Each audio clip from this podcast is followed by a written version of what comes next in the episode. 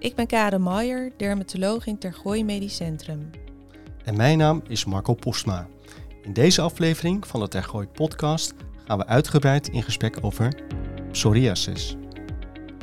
Goed dat je er bent, uh, Karen. Jij bent dermatoloog. Wat is dat precies? Klopt, ik ben dermatoloog en dat is een arts die gespecialiseerd is in de behandeling van huidziekten. Ik zie heel veel verschillende soorten patiënten, van jong tot oud, met heel verschillende ziektebeelden. En een van de huidziekten die je behandelt is uh, psoriasis. Dat is een moeilijk woord. Uh, kan je uitleggen wat het precies is? Dat kan ik zeker. Psoriasis is een hele bekende huidaandoening. Het is een chronische aandoening, wat betekent dat het nooit helemaal overgaat. Het woord psoriasis is afgeleid van het Griekse woord psor en dat betekent schub. Patiënten met psoriasis hebben namelijk van die rode plekken op de huid. En op die rode plekken zitten die grove schilfers. En die grove schilfers doen soms een beetje ja, schubachtig aan, vandaar het woord psoriasis. En uh, bij wie komt het voor? Psoriasis kan bij iedereen optreden die daarvoor een aanleg heeft. En het komt zowel bij mannen voor als ook bij vrouwen. Is het uh, te voorkomen dat je het krijgt? Nou, de precieze oorzaak van psoriasis, dat weten we eigenlijk niet. Zijn wel een heleboel factoren die kunnen bijdragen aan het ontstaan van psoriasis. Bijvoorbeeld stress. Mensen die veel stress hebben, daarbij kan de psoriasis wat opvlammen. Maar ook uh, speciale of specifieke medicijnen, zoals bijvoorbeeld beta-blokkers, kunnen psoriasis verergeren. En daarnaast is er nog een specifieke keelontsteking met streptokokken, die een speciale variant van psoriasis kunnen uitlokken. En uh, welke leeftijd uh, hebben de mensen die het hebben? Psoriasis kan eigenlijk op iedere leeftijd beginnen, dus echt op de hele jonge kinderleeftijd als ook op de late leeftijd. Gemiddeld echter zijn patiënten ja, rond de puberteit als ze voor het eerst klachten krijgen. Is het ook iets wat in uh, bepaalde families voorkomt? Ja, erfelijke factoren spelen zeker een rol bij het ontstaan van psoriasis. Um, als je een kind bent met één ouder die psoriasis heeft, heb je ongeveer 10% kans om het zelf ook te krijgen. Als je beide ouders psoriasis hebben, is die kans zelfs 50%. Is het eigenlijk uh, besmettelijk? Nee, hoewel de symptomen dat inderdaad wel suggereren, is psoriasis zeker niet besmettelijk. Komt het vaak voor? Ja, psoriasis is een aandoening die echt heel erg veel voorkomt. We weten niet de precieze cijfers, maar in Nederland eh, hebben waarschijnlijk meer dan 300.000 mensen psoriasis. Maar waarschijnlijk zijn er nog wel meer mensen, maar niet iedereen zoekt hulp. En in Tergooi, hoeveel uh, patiënten worden er hier uh, voor behandeld? Op onze polykliniek zien we ongeveer 650 verschillende mensen met psoriasis op onze poli per jaar. Psoriasis is dus een uh, huidziekte. Kan je dat kort iets meer vertellen over de huid? Dat kan ik zeker. De huid is het grootste orgaan van ons lichaam en het bestaat uit drie lagen. De opperhuid, de lederhuid en het onderhuidse vetweefsel. Allereerst de opperhuid, die zorgt voor stevigheid en bescherming van invloeden van buitenaf. Daarna hebben we de lederhuid, daarin vind je de bloedvaten. Die zorgen voor de aanvoer van voedingsstoffen en voor de aanvoer van zuurstof. Daarnaast vind je daar ook de lymfevaten, die zorgen voor de afvoer van afvalstoffen. Verder heb je daar ook de zenuwen. Daarmee kan je pijn voelen, maar kan je bijvoorbeeld ook warmte en koude voelen. En als laatste bevinden zich ook de talgklieren in de lederhuid. En die zorgen ervoor dat de huid een beetje vet blijft en niet uitdroogt. Als laatste heb je dus de onderhuid en die bestaat vooral uit vet en uit grotere bloedvaten. En het vet zorgt voor wat extra isolatie en is ook een bron van energie. Ik heb wel eens gehoord dat uh, de huid het, uh, het grootste orgaan is uh, in het lichaam. Klopt. En als je psoriasis hebt, in, op welke delen van je lichaam zitten dan die, die plekken? Psoriasis kan eigenlijk op alle delen van je huid voorkomen. De meeste patiënten hebben vooral last op de strekzijde van de ellebogen en de knieën. Maar er zijn ook heel veel patiënten die hebben plekken op het behaarde hoofd, in de plooien zoals de oksels of de liezen. En andere patiënten hebben bijvoorbeeld vooral weer last van de gewrichten of van de nagels. Wat is de precieze oorzaak eh, van het ontstaan? Onze huid vernieuwt zich voortdurend, waarbij de oude huidcellen worden vervangen door nieuwe huidcellen. En de opperhuid bestaat uit die hele kleine huidcellen, die sterven heel langzaam af en die schilferen dan heel langzaam eraf. En normaal gesproken merk je eigenlijk helemaal niks van dit proces. Bij psoriasis is dit proces echter verstoord en gaat het veel te snel. En daardoor krijg je te veel huidcellen en die kunnen ook niet volledig uitgroeien. En daardoor zie je dus dat de huid zichtbaar af gaat schilferen. Dus het is een, eh, een soort verstoring van de huid. Klopt. Stel je hebt het onder de leden. Hoe merk je als eerste dat je het hebt? Je ziet op de huid dan heel scherp begrensde, heel rode plekken eh, met hele grove schilfers erop. Een beetje die schubachtige schilfertjes. Soms kunnen mensen ook jeuk hebben. Er is ook een variant waarbij er wat puskopjes in de psoriasisplekken kunnen zitten. En dat zijn geen tekenen van een infectie. Die pustels zijn namelijk steriel en bevatten geen bacteriën. Oké. Kunnen deze klachten dan ook vanzelf weer overgaan? Zoals ik eerder zei, is het een chronische aandoening. En dat betekent dus dat de klachten nooit echt helemaal weggaan. Maar sommige patiënten kunnen wel jarenlang eigenlijk klachtenvrij zijn. En bij die specifieke variant waar ik het eerder over had, na zo'n keelontsteking, dat noemen we de gutata-vorm, daarbij zie je soms wel dat het blijvend weg kan gaan. En moet je ervoor behandeld worden? En wat gebeurt er als je er helemaal niks aan doet? Als je er geen last van hebt, dan hoef je niet per se behandeld te worden. Als je er niks aan doet, dan blijven de plekken gewoon onveranderd zitten. Soms kan het wel uitbreiden, maar soms kan het ook vanzelf wat rustiger worden. Bij een klein deel van de patiënten kunnen ook gewrichtsklachten ontstaan, waarbij bijvoorbeeld de gewrichten kunnen opzwellen en pijn gaan geven. En hoe gevaarlijk is het om het, uh, om het te hebben? Op zich is psoriasis zelf niet gevaarlijk. Het kan vooral heel erg vervelend zijn, onder andere door de jeuk, maar ook door de schilfers en sommige patiënten kunnen ook echt psychosociale hinder ervan ondervinden. Omdat je er anders uitziet. Precies. Ja. ja. Ehm, wat ik me afvroeg, is het verloop van de ziekte bij iedereen hetzelfde? Nee, dat is echt ontzettend wisselend. De ene patiënt heeft heel weinig plekken op het lichaam. En een andere patiënt die kan echt bijna van top tot teen onder de plekken zitten. Er zijn ook heel veel verschillende varianten van psoriasis. Waarbij de een dus alleen op de ellebogen of de knieën last heeft, terwijl een ander bijvoorbeeld vooral last heeft in de lichaamsplooien of op het hoofd. De ander weer alleen van de nagels en sommigen juist vooral van de gewrichten. Je hebt jeuk, je denkt dat het uh, psoriasis is. Wanneer is het tijd om, uh, om medische hulp in te roepen? Medische hulp schakel je in als je last hebt van de plekken. En last kan heel divers zijn, kan betekenen dat je bijvoorbeeld jeuk hebt, maar het kan ook betekenen dat je er toch psychisch hinder van ondervindt. Ik heb wel eens patiënten die bijvoorbeeld geen korte kleren meer aandurven en niet meer durven te zwemmen omdat ze zich zo schamen voor de plekken. Mhm. En dan, uh, dan ga je naar de huisarts? Ja, dan moet je eerst naar de huisarts. En een groot deel van de patiënten kan gewoon bij de huisarts behandeld worden. Soms is dat echter niet genoeg en dan zal de huisarts uh, de patiënt verwijzen naar de dermatoloog. Hoe kan je huisarts jou verder helpen?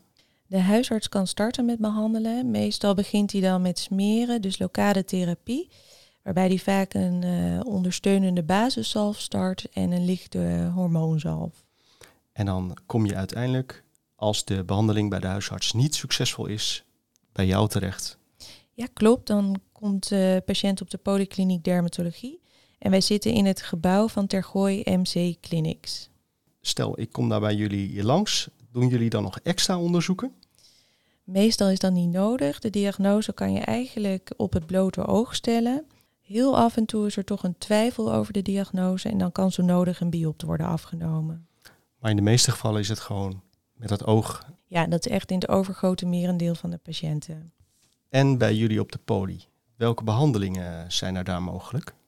Um, er zijn eigenlijk drie grote groepen van behandelen. Uh, de eerste is smeren ofwel lokale therapie. De tweede is licht ofwel UVB-therapie. En drie is de systemische therapie. Laten we bij het begin uh, beginnen. Smeren, wat is dat precies? Het smeren heeft ook weer heel veel verschillende opties. Uh, we hebben bijvoorbeeld ondersteunende basiszalven, maar ook preparaten met koolteer, met vitamine D. En vooral ook de hormoonzalven, ofwel de corticosteroïden, zijn zeer belangrijk in onze behandeling. En hoe lang moet je smeren?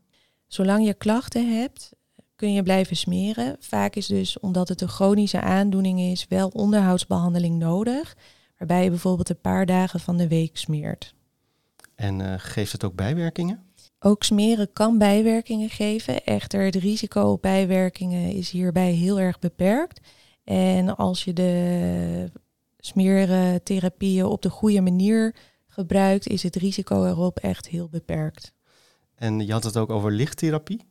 Kan je dat ook gewoon in de, buiten in de zon doen? Of, uh...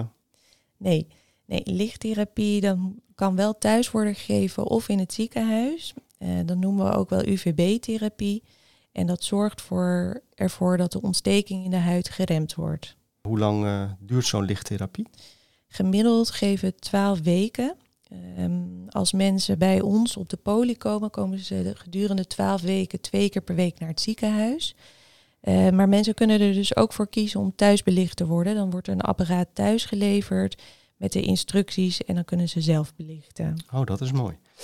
En welke bijwerkingen geeft lichttherapie?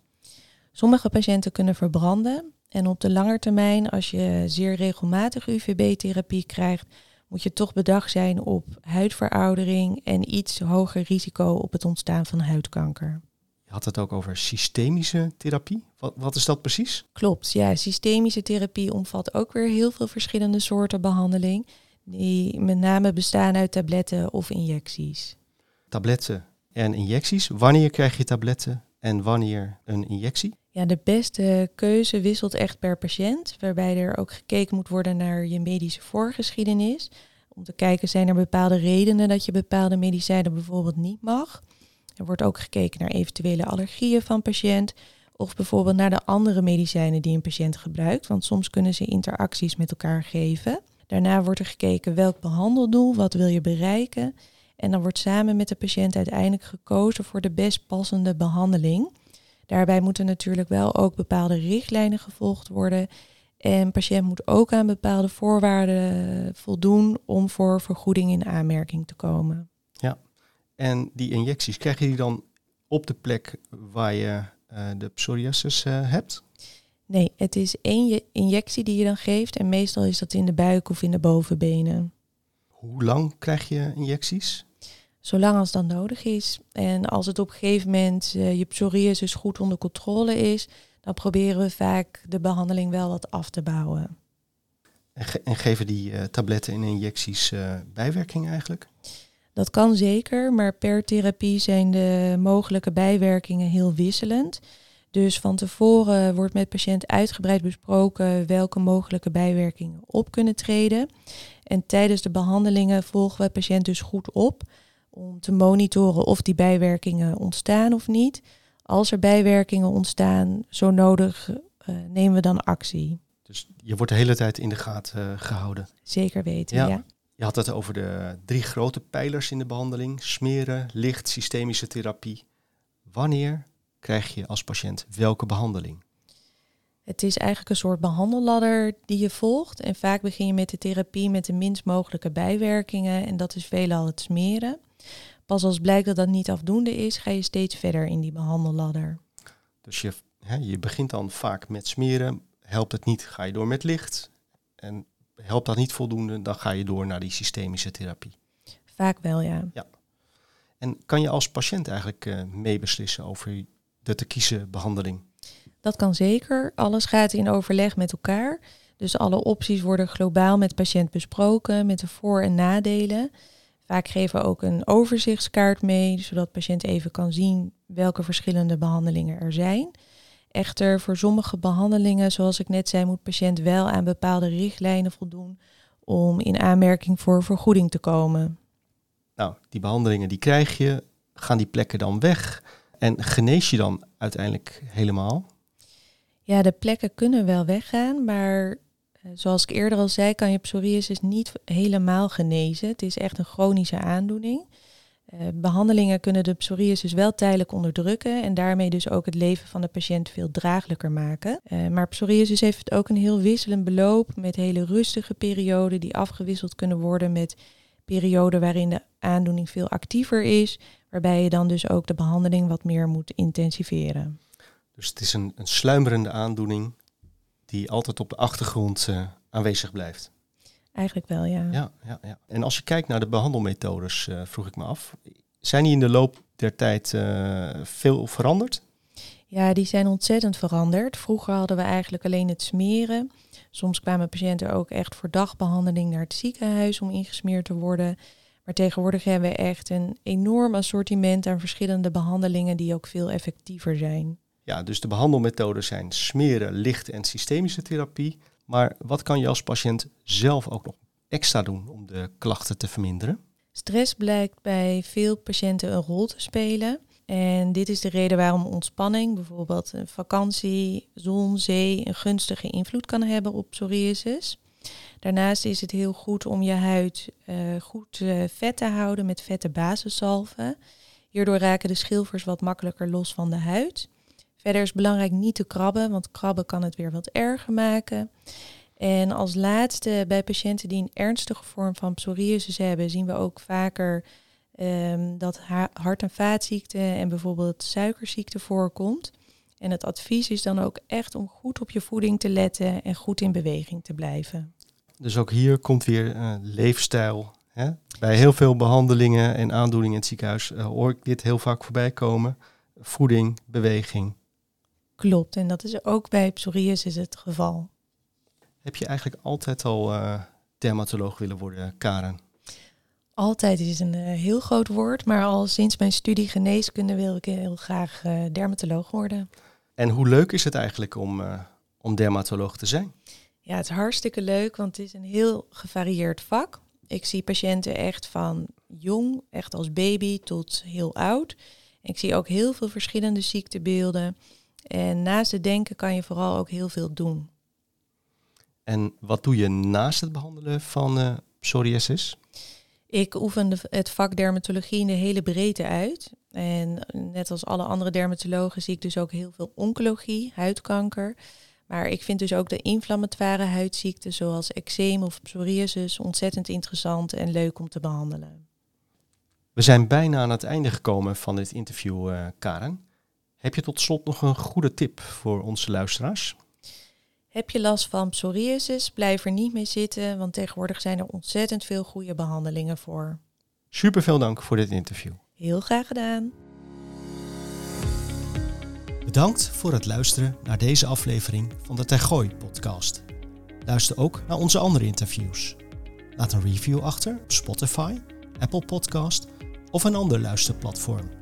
Meer weten over de Tergooi podcast? Ga dan naar tergooi.nl slash podcast.